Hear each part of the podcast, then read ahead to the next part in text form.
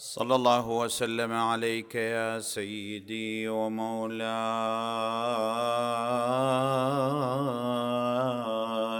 يا رسول الله.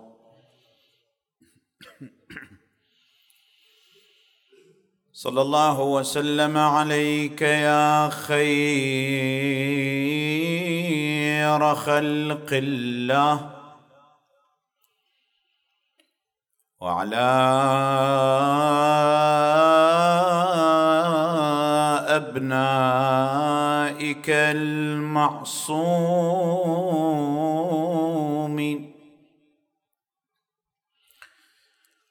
لعن الله الظالمين لكم من الأولين والآخرين إلى قيام يوم الدين. يا ليتنا كنا معكم. فنفوز فوزا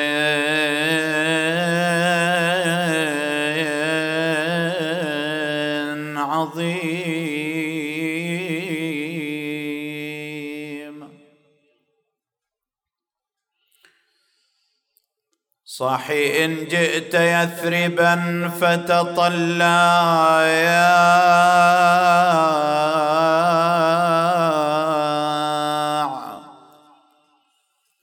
في رباها وامرر بتلك الشعاب.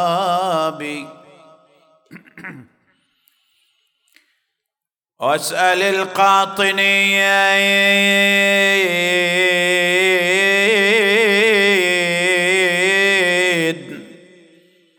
واسأل القاطنين عن خير قوم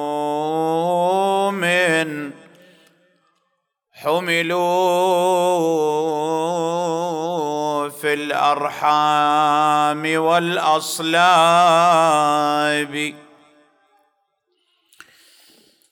أين بانوا أين باينوا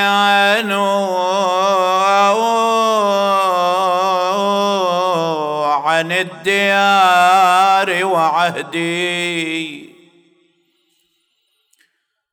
أين بانوا عن الديار وعهدي؟ بهم أنهم محط الركاب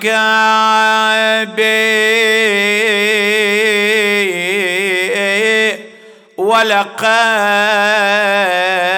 أسهر العيون وأورى في قلوب الأنام نار المصاب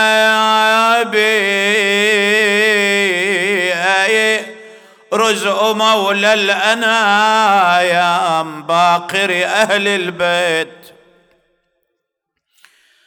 بل خير ناطقين بالصواب.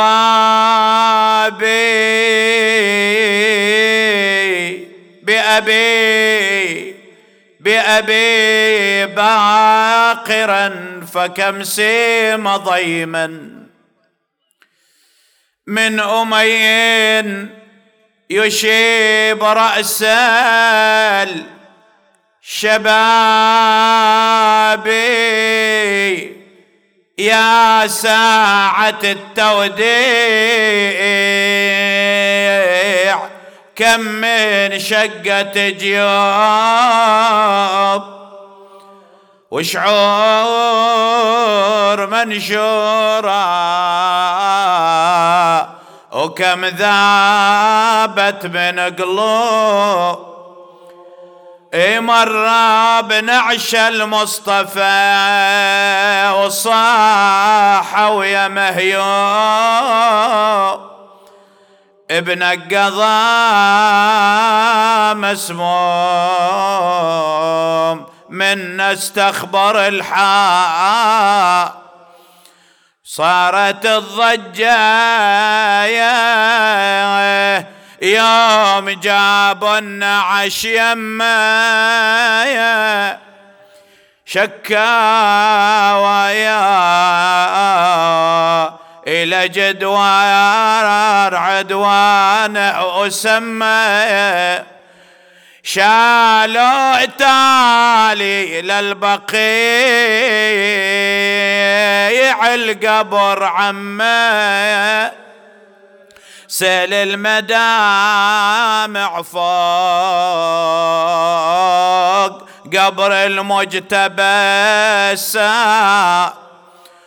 وشقوا ضريحه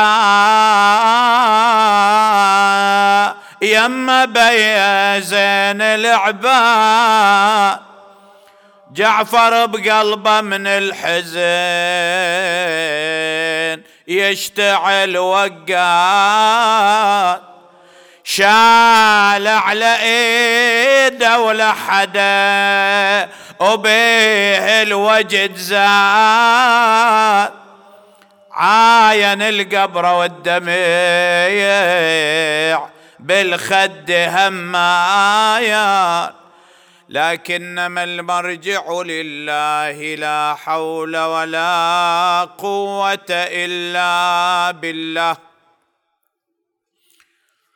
العلي العظيم بسم الله الرحمن الرحيم. قل إن كنتم تحبون الله فاتبعوني. يحببكم الله ويغفر لكم ذنوبكم. والله غفور رحيم. آمنا بالله صدق الله العلي العظيم. نوروا قلوبكم ومجالسكم بذكر محمد وآل محمد.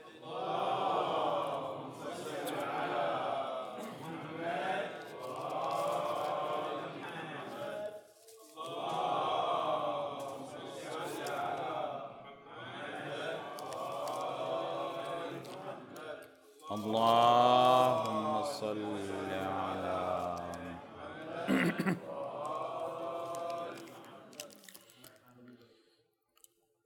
كل أصحاب فكرة من الأفكار أو مبدأ من المبادئ يحتاجون إلى ركيزتين للتفاعل مع المبدأ الذي يحملونه. الركيزة الأولى تتعلق بنفس الأفكار التي يؤمن بها المنتمون للفكرة التي نحن نسميها في ارتباطنا بالدين الإسلامي بالعقائد. هذه الأشياء الأفكار الداخلية التي يؤمن بها الإنسان. لكن نفس الإيمان بهذه الأفكار يحتاج إلى ترجمة في الخارج. هذه الركيزة الثانية هو ما نعبر عنه بالشعار بحيث أنك مثلا إذا دخلت إلى بلد من البلدان فرأيت على سبيل المثال المآذن والقبب علمت أن أصحاب هذا المكان ينتمون لهذا الدين. فإذا هذا الجانب اللي نعبر عنه بالجانب ماذا؟ الجانب الشعاري أو الجانب الظاهري للمبدأ. الله سبحانه وتعالى يريد منا أن نرتبط بهذين الأمرين. اولا الإيمان يكون قائم على قناعة بالفكرة ذاتها دون تأثير أي طرف من الأطراف. ولذلك إذا تسمعوا مثلا بعض الأحيان كلام بعض العلماء أنه لا يجوز التقليد في العقائد. ما يصح أن واحد يجي أنا أذهب لأن الله واحد لأن فلان عالم قال أنا الله واحد. وإنما هي مسألة لابد وأن تنطلق من قناعة الإنسان بها. في الوقت نفسه أيضا لابد أن يكون هذا مترافقا مع إظهار شعائر الدين في الخارج. هذا الجانب هو الذي ركزت عليه هذه الآية الكريمة التي بدأت بها. يقول تبارك وتعالى قل إن كنتم تحبون الله. طيب هو الحب شنو؟ ما هو حب الله أو ما هو الحب؟ نحن نلاحظ أن هناك يقول بعض العلماء بعض الألفاظ التي لو شرحت لزادت غموضا. في بعض بعض القضايا بعض المفردات من شدة وضوحها لو شرحتها تزداد غموضا وبعدا عنها. يقول واحدة منها مفردة الحب. ولذلك أنت تلاحظ أن الطفل الصغير مثلا بعض الأحيان يأتي إلى أبيه فيعرب له عن حبه أو يأتي إلى أمه فيعرب له عن لها عن حبها. لو سألت هذا الطفل الصغير ما معنى الحب؟ يعني شنو أنت تحب؟ ما يستطيع هذا الطفل أن يعبر لكن هو هذا المعنى يشعر أنه يملأ وجدانه يشعر أنه يملأ داخله يشعر به وجدانا. ولذلك هناك كلمة لأحد علمائنا يقول والحب من المعاني التي لا يستطيع الإنسان أن ينالها بالبيان ولا تعبر عنها الألفاظ وإنما يشعر الإنسان بها ماذا؟ وجدانا. بس يشعر بها بس ما يقدر. اشرح لي الحالة لك ما أقدر أنا أشرحها. كما مثلا الآن النور. لما أنا أسأل مثلا وأقول عرف لي أسأل واحد أقول له تعال. تشوف النور أمامك تتعامل معه. وبدونه لا تعيش. ما هو النور؟ يمكن ما يقدر يعبر لك ما هو النور لكنه في واقعه وحقيقته هو مدرك تماما أنه هذا المعنى يملأه وموجود في داخله ولكنه يعجز عن شرحه وتفهيمه. إن كنتم تحبون الله شنو العلامة؟ هي المسألة مسألة دعوة دعاء فقط؟ قال لا في شيء ظاهر يعرب عن ذاك الحب. ما هو؟ فاتبعوني يعني اتباع النبي صلى الله عليه وآله. المقابل ما هو إذا اتبعتم الرسول؟ شوفوا شلون المعادلة. إذا اولا علاقة حب الله تبارك وتعالى. تترجم إلى واقع وسلوك من خلال اتباع الرسول. أثر ذلك أن الله ماذا؟ يحبكم يحببكم الله. بعد ويغفر لكم ذنوبكم. والله غفور رحيم. ما هو الموضوع الذي أود أن أتناوله؟ تحت هذا العنوان أو تحت هذه الآية والحديث عنها مسألة تتعلق بدور الإمام الباقر صلوات الله وسلامه عليه في إبراز الكيان الشيعي. هذا الكيان الشيعي ما كان يعني أنا هذا زعمي أنه ما كان قبل أن يستلم الإمام الباقر عليه السلام الامامه ما كان ككيان معروف.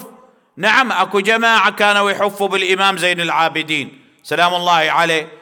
لكن بعنوان كيان شيعي قائم في مقابل الجماعات الأخرى هذا لم يعرف إلا في زمن إمامة الإمام الباقر صلوات الله وسلامه عليه. زين لماذا حتى يعني الذين يؤرخون لقضايا الفقهية مثلا أو ما يعبر عنه بالتشريع الإسلامي تاريخ التشريع الإسلامي يلاحظون هذه القضية. في عهد الإمام الباقر بدأ بساط البحث ينتشر بدأت مدرسته تستقطب. كبار العلماء بدأت الجماعة يعني التلاميذ اللي عنده يعربون عن أنفسهم بكل اطمئنان. لماذا يقولون لعاملين؟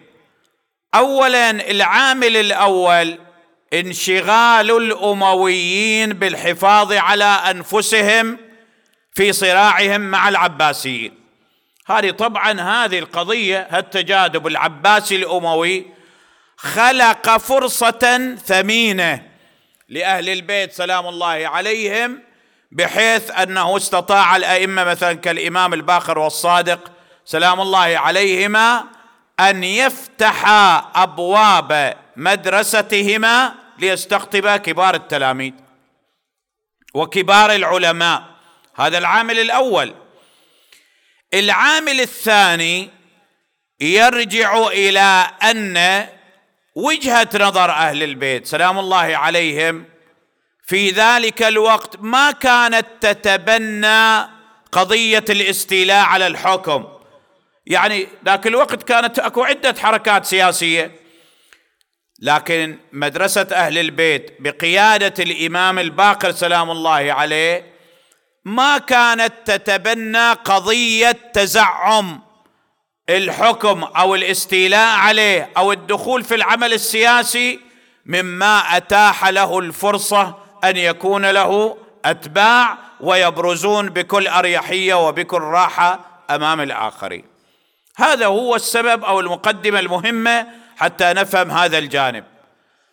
الآن السؤال الأهم وهو لب الموضوع. ما هي الضمانات؟ هذا موضوع جدا مهم. نحتاج أن نقرأه جيدا. ما هي الضمانات التي وضعها الإمام الباقر سلام الله عليه حتى يبقى كيان التشيع كيانا قويا محافظا على نفسه. هناك عدة ضمانات في الواقع وأكتفي بذكر ثلاثة. الضمان الأول الإرشاد والتأكيد على أن مجرد الادعاء لحب أهل البيت لا ينفع ما لم يكن مقترنا بالعمل. هذه قضية إلى الآن فيها جدل. كثير من الناس مثلا يتصور أنا مو تبع أهل البيت خلاص لا خوف عليهم ولا هم يحزنون. زين هذا حب أهل البيت إلى شروط لو هو مسألة فقط تتحقق بالدعوة. لا يجي الإمام سلام الله عليه إذا قراتم وصيته لجابر ابن عبد الله الجعفي جابر الجعفي كان يؤكد الإمام على هذه الحقيقة فيقول صلوات الله وسلامه عليه أيكتفي من ينتحل التشيع وحبنا أهل البيت؟ دون أن يكون فعالا؟ دون أن يكون عنده عمل؟ يعني خلاص واحد يقول أنا أحب أهل البيت هالدعوه تكفي؟ خلاص. طبعا هنا هاي قضية ليش يتم التركيز عليها؟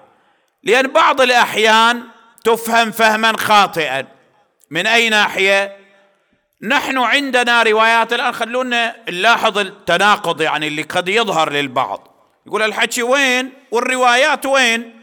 لأن إحنا عندنا في الروايات أن شيعة أهل البيت لا يدخلون النار. طبعا في بعضها لا يخلدون في النار. زين. ليش؟ قال لأنه الموالي لأهل البيت إذا صار عليه ذنوب الله يمحصه إما في الدنيا إما في البرزخ. طيب هذا كلام صحيح. لكن هنا قضية أخرى لابد أن نلتفت إليها أيها الإخوة وهي أحد العلماء المعاصرين ينقل عن الإمام الحكيم قدس الله تربته عن السيد الإمام محسن الحكيم وهو المرجع الأعلى في وقته الوحيد للطائفة كما تعلمون. عند رأي يقول فيه يقول لا شك أن موالي أهل البيت الله سبحانه وتعالى طبعا أكو رواية هنا عن الإمام زين العابدين سلام الله عليه يقول فيها شيعتنا إن الجنة لن تفوتكم عاجلا أو اجلا.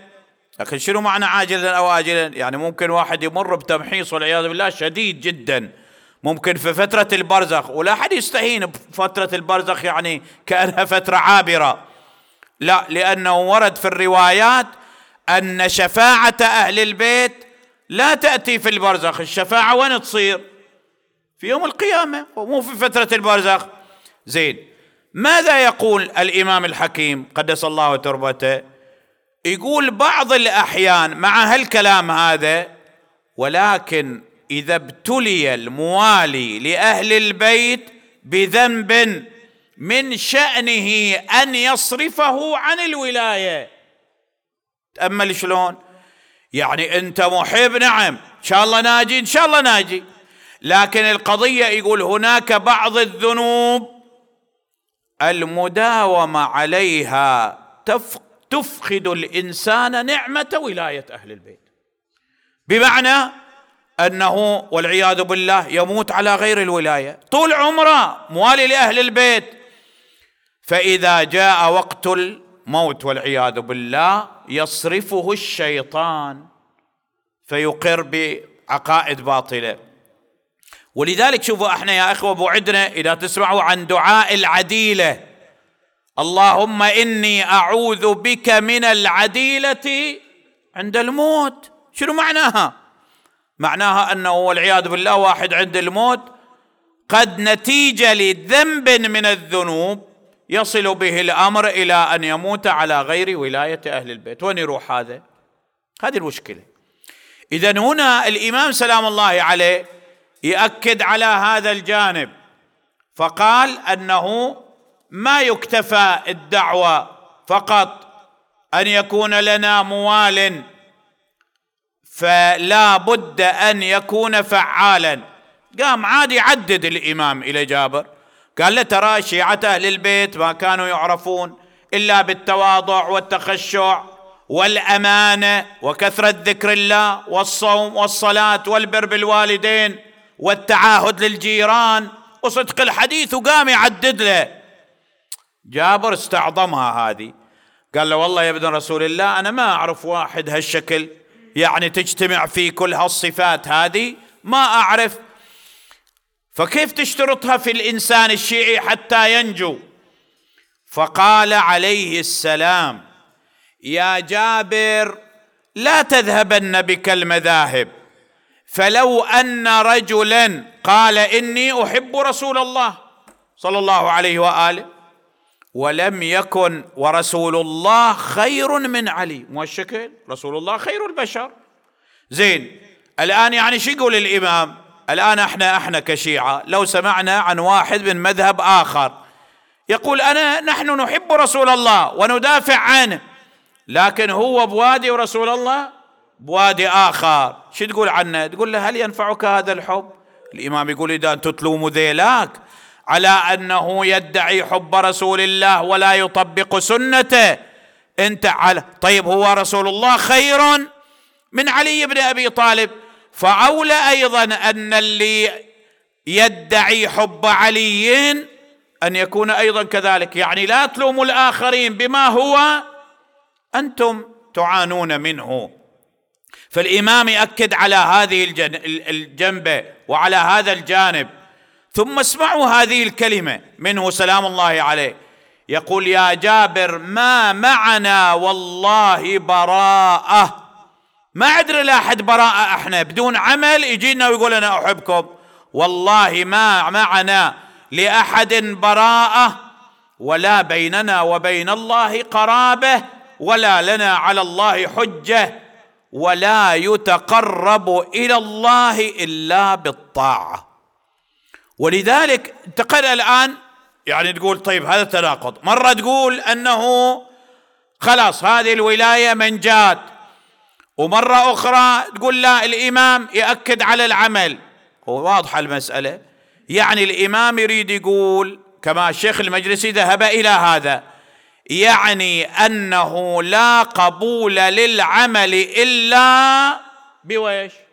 بولايته. هذا خالصين منه. لكن في المقابل لا يمكن أن يعتمد الإنسان الولاية بديلا عن العمل. خلاص هي معادلة واضحة. فيأتي ويترك كل شيء. زين يقول لك لا خلاص أنا عندي ولاية أهل البيت زيارة أهل البيت. الآن بعضهم مثلا متولع بالزيارة إلى درجة ما عنده مانع أن مثلا يطلع للزيارة. ويترك عائلته بلا ما بلا مثلا بلا طعام بلا كذا. يقول الله أنا احب الحسين. هذا حب صادق هذا حب صحيح. اذا هنا لابد أن نلحظ هذه الجوانب التي يشير إليها الإمام. ولذلك هناك نقطة حتى أختم هذا الموضع بالذات. الإمام عليه السلام أكو رواية تروى عن الإمام الإمام الصادق سلام الله عليه. يقول والله ما انصفتمونا يخاطب بعض الشيعة يقول ما أنصفتونا أن نكون مطالبين بالعمل ويطرح عنكم. يقول إحنا إحنا أهل البيت ما ننجو إلا بالعمل. أنتوا تروحوا إلى الجنه بدون عمل؟ شفت شلون المعادلة المعكوسة عند بعضهم؟ ولذلك يا إخوة الإمام الرضا صلوات الله وسلامه عليه لما صارت حركة زيد أخوه زيد بن الإمام الكاظم. هذا زيد شو يسموه؟ زيد النار. ليش يسموه؟ هذا ابن الإمام الكاظم. يسموه زيد النار ليش؟ لأنه قام بحركة في البصرة فأحرق الدور وأحرق المحلات. فوضى. زين. قبض عليه المأمون جابه. الآن هو المأمون الذي فرصته في الإمام الرضا يريد يقول له شوف هذا أخوك. وجابه قال من هذا؟ قيل له هذا زيد بن موسى ابن جعفر. قال خلاص ودوا له اخوه خلوه يدفع مياه يعني كأن يريد يحرج الإمام الرضا بوجود أخوه. طبعا ما لك لك أن تتخيل شنو وضع الإمام الرضا بأبي وأمي وهو يرى أخاه هكذا. جاب إلى أوقفه الإمام. قال له ويحك أتزعم أنك ابن يعني أنك تدخل الجنة وغرك قول أغرك قول سفهاء أهل الكوفة بأن فاطمة أحصنت فرجها فحرم الله ذريتها على النار. غرك الحكي ويحك ذاك للحسن والحسين. مو لأي واحد بس انتسب وخلاص وسوى اللي يبغاه. قام هذا يعاتب. قال له أنا أخوك وكذا وهالشكل تكلمني. قال له ويحك. موسى بن جعفر سلام الله عليه. يعبد الله ويدخل الجنة وأنت تعصي الله وتدخل الجنة. اثنينكم. هذه عدالة. موسى ابن جعفر إمام المسلمين وهو لا يبات الليل من العبادة. أنت وياه في صف واحد تروح. اذا أنت أكرم على الله من موسى ابن جعفر. إذا كانت المسألة هكذا هو يقتل نفسه في العبادة ويروح الجنة وأنت تخرب الدنيا وتروح للجنة. اذا يعني أنت أكرم على الله من موسى ابن جعفر. اذا هذه مسألة جدا مهمة بالذات الإمام الباقر صلوات الله وسلامه عليه دقق عليها كثيرا. هذا الضمان الأول. الضمان الثاني الرابطة الروحية مع الأئمة الأطهار. شوف إحنا عندنا علاقة علاقة روحية مع أئمتنا. نسأل الله أن يثبتنا وإياكم. كيف هذه العلاقة الروحية؟ أننا نعتقد حضورهم. شوف في رواية يعني أجي الشاهد الآن. هذا أبو بصير يقول يوم من الأيام أنا كنت واقف ويا الإمام الباقر عليه السلام عند باب مسجد رسول الله صلى الله عليه وآله ورزقنا الله وإياكم. زين. يقول وإذا الإمام يقول لي انظر من يدخل. شوف اللي يدخل ويسلموا عليك. وسلهم هل يرونني؟ سيدي شلون ما يشوفوك؟ انت واقف الآن. كيف لا يروك التفتوا إلى هالدرس اللي الإمام يقدمه. قاموا يعني شيعة الإمام وكذا أتباعه. كل من دخل قال له أبو بصير سلم شوف أبو بصير قدامه. هل ترى أبا جعفر؟ قال لا والله ما أشوفه. تعجب كيف أن هؤلاء يمرون فلا يبصرون الإمام؟ شوية وإذا بأبي هارون المكفوف بعد من اسمه مكفوف التفت الإمام إلى أبو بصير قال سل هذا سل أبو هارون سل أبا هارون هل يراني؟ قال والله عجب منك الهديان اللي يشوفوا ما شافوك. هذا أعبى شلون يشوفك؟ قال سله. سأل هل ترى أبا جعفر؟ التفتوا هذا رجل مكفوف. قال وكيف لا أرى؟ وهو واقف إلى جانبك. كيف رأيته وأنت رجل ما تبصر. قال الإمام نور وشعاع. لاحظ الإمام نور وشعاع وهو شعاع قائم. هذه رؤية قلبية يشعر بها المرتبط بالإمام المعصوم صلوات الله وسلامه عليه. المهم بعد شوية شاف الإمام في مسجد رسول الله رجل من أفريقيا. رجل بشرة سوداء بشرة سمراء من أفريقيا. لكن من الشيعة. فسلم على الإمام يعرف الإمام والإمام يعرفه التفت الإمام إليه. فسأله عن رجل من أهل أفريقيا. اسمه راشد. قال ما صنع راشد؟ يعني وش أخبار راشد؟ قال له يا ابن رسول الله والله أنا يوم طلعت من بلدنا من أفريقيا. ما أدري بلده من البلدان الأفريقية الآن. أول كلها يسموها إفريقية. وجدته سالما معافى ويبلغك السلام. قال للامام لا لقد مات راشد. مات؟ متى؟ أنا طلعت ما في شيء. فقال له الإمام عليه السلام لقد مات بعد خروجك بيومين. أبو بصير التفت للإمام قال من راشد يا ابن رسول الله؟ هذا اللي تسأل عنه. قال رجل من شيعتنا من أفريقيا. أتظنون أننا تغيب عنا أخباركم؟ أنتم فاكرين كشيعة غايبين عنكم إحنا؟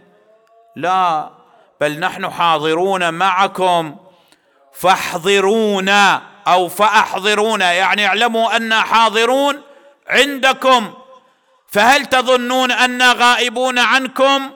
بئس الظن ظننتم بأئمتكم. يعني اللي يظن أن الأئمة غائبين عنا ونحن لا نشك واقعا والمفروض هكذا. أننا نعيش تحت رعاية صاحب الزمان عجل الله فرجه الشريف. وهو معنا وبإذن الله عينه ترعانا. اذا هذه نقطة جدا مهمة في العلاقة الروحية. أسس الأئمة سلام الله عليهم وهذا معنى أنه إن أعمالكم تعرض علينا. هذه النقطة الثانية أو الضمانه الثانية. الضمانه الثالثة والأخيرة تتعلق بقوة الطرح العلمي. كيف الإمام حافظ على هذا المذهب؟ كيف الإمام حافظ على هالكيان؟ شلون؟ بقوة طرحه.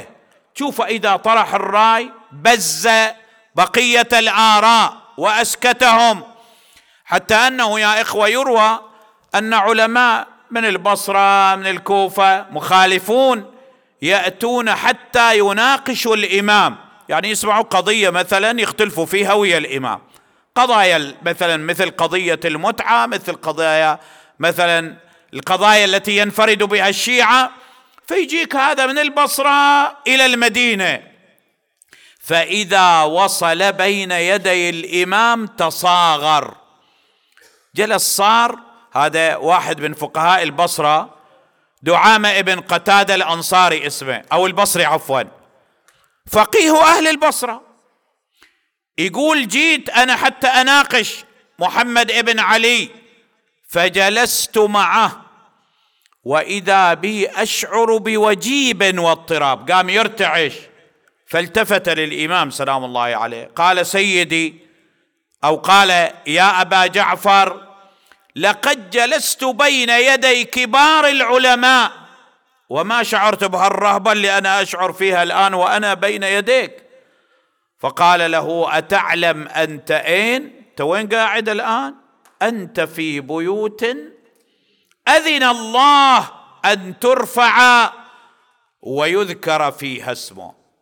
صاحب حلية الأولياء يذكر يقول يوم من الأيام طبعا عبد الله بن عمر من فقهاء الصحابة عند حلقة في مسجد رسول الله صلى الله عليه وآله يدخل الناس يسألونه عن بعض أحكامهم. دخل رجل حلية الأولياء كتاب يعتبر مو من كتبنا. يقول دخل رجل فجاء لابن عمر يسأله عند مسألة فحار ابن عمر فيها. ما عرف الجواب. قال زين أنا أريد الجواب الآن. قال أرأيت ذاك الغلام الجالس هناك؟ وأشار إلى الإمام أبي جعفر. سلام الله عليه. اذهب له وسله. فإذا أخبرك فأعلمني بالجواب. راح الرجل سأل الإمام اجابه جاء رجع لابن عمر وقال قال كذا وكذا. فقال إنهم أهل بيت مفهمون. هؤلاء علمهم من الله تبارك وتعالى. إنهم أهل بيت مفهمون. هذا التميز الذي تميزت به مدرستهم. سلام الله عليهم. وكان من بدأ هذا التميز ككيان علمي هو الإمام الباقر. سلام الله عليه. من هنا استشعر طغاة عصره خطر وجوده. شو يسووا له بعد؟ آخر ورقة يمكن أن تكون بأيديهم هي ماذا؟ هي أن تمتد اليد الأثيمة إلى مقام ذلك الإمام. كل الوسائل ما نفعت. الورقة الأخيرة هي ورقة الاغتيال فلهفي عليهم. ما قضى حتف أنفه. كريم لهم إلا بسم وصارم. لكن شلون هالمرة السم صار؟ وضعوا السم في سرج راحلة الإمام. لا في طعام لا في شراب هالمرة. وضعوه في سرج راحلته. صعد على راحلته فما نزل إلا وقد تورمت قدماه من حرارة السم صار يتقلب على فراش المرايا أدلى بوصاياه الأخيرة أوصى ولده سلم له مواثيق الامامه عند إكمال تلك الوصايا مد يديه ورجله وأغمض عينيه وفاضت روحه. أنا مناد وإماما. وسيدا ضجت المدينة بأهلها كل ينادي ومحمدا وإماما. وصار ذاك التشيع المهيب خرجت الناس خلف تلك الجنازة ما أتى الليل إلا وقد اوري الثرى. نعم اغمض الإمام عينيه ولكن فيها بقايا من مشاهد يوم عاشوراء.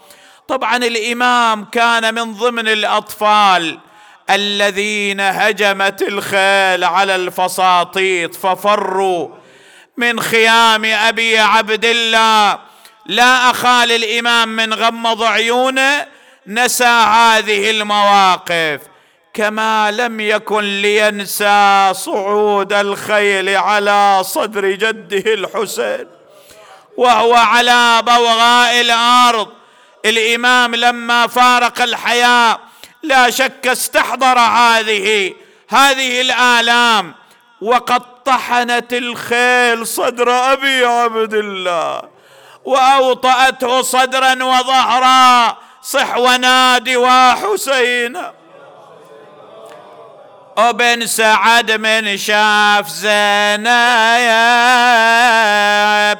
تجذب الحسرة بعويل. صاح يا فرسان لبو مخدرة حامي الدخيل. تنهض من القوم عشرة وبالعجل تصعد الخيل وبدل غسل حسين رضا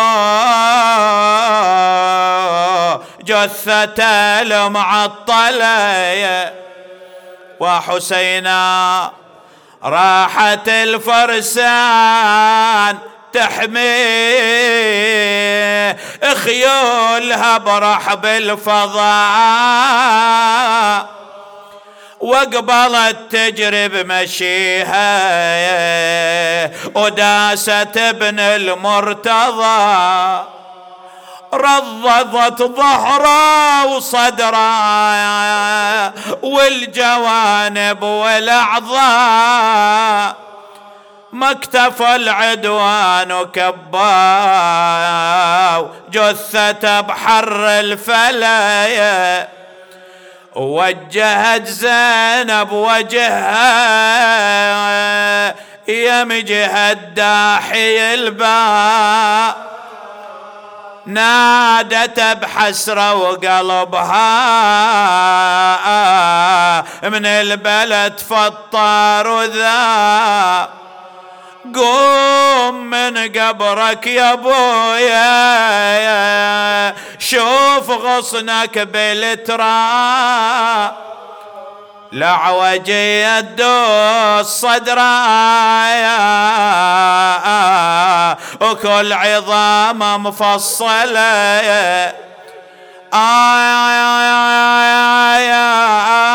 يا خويا فوق صاوبك يرضوك يرضوك ولا راعى وشرف جدك.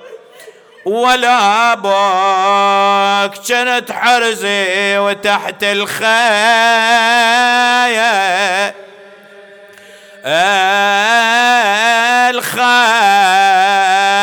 الخلو عسى بعيد البلا عسى بعيد البلا صدرك مكسر يا سائلي وشظايا القلب في شجني. هل جهزوا لغريب مات ممتحني؟ أجبته بفؤاد خافق وهني. كلنا وياه. لا غس. هو لا لف. بعد أكثر لا غسلوا. ولا لف. يا وما الطفاف ولا مدوا عليه رد. عار تجول عليه الخيل. عادية حاكت له الريح. اللهم صل على محمد وآل محمد. ثبتنا على ولاية أوليائك والبراءة من أعدائهم. اللهم تفضل على جميع مرضى المؤمنين والمؤمنات بالصحة والعافية. لا سيما من سألونا الدعاء وسئلنا الدعاء لهم. اللهم فرج عن المكروبين. لا سيما شيعة أمير المؤمنين في كل مكان. اللهم اقض حوائج المحتاجين من كان في مجلسنا طالب حاجة وطالبه حاجة بن اللهم علينا وعليهم. وعلى سائر المؤمنين والمؤمنات بقضاء حوائجنا وحوائجهم للدنيا والآخرة. لأموات المؤسسين والحاضرين والمؤمنين والمؤمنات سيما العلماء الأعلام والشهداء الأبرار. وخدمة الحسين ومن كانوا يحضرون هذه المجالس ووفدوا إلى ربهم.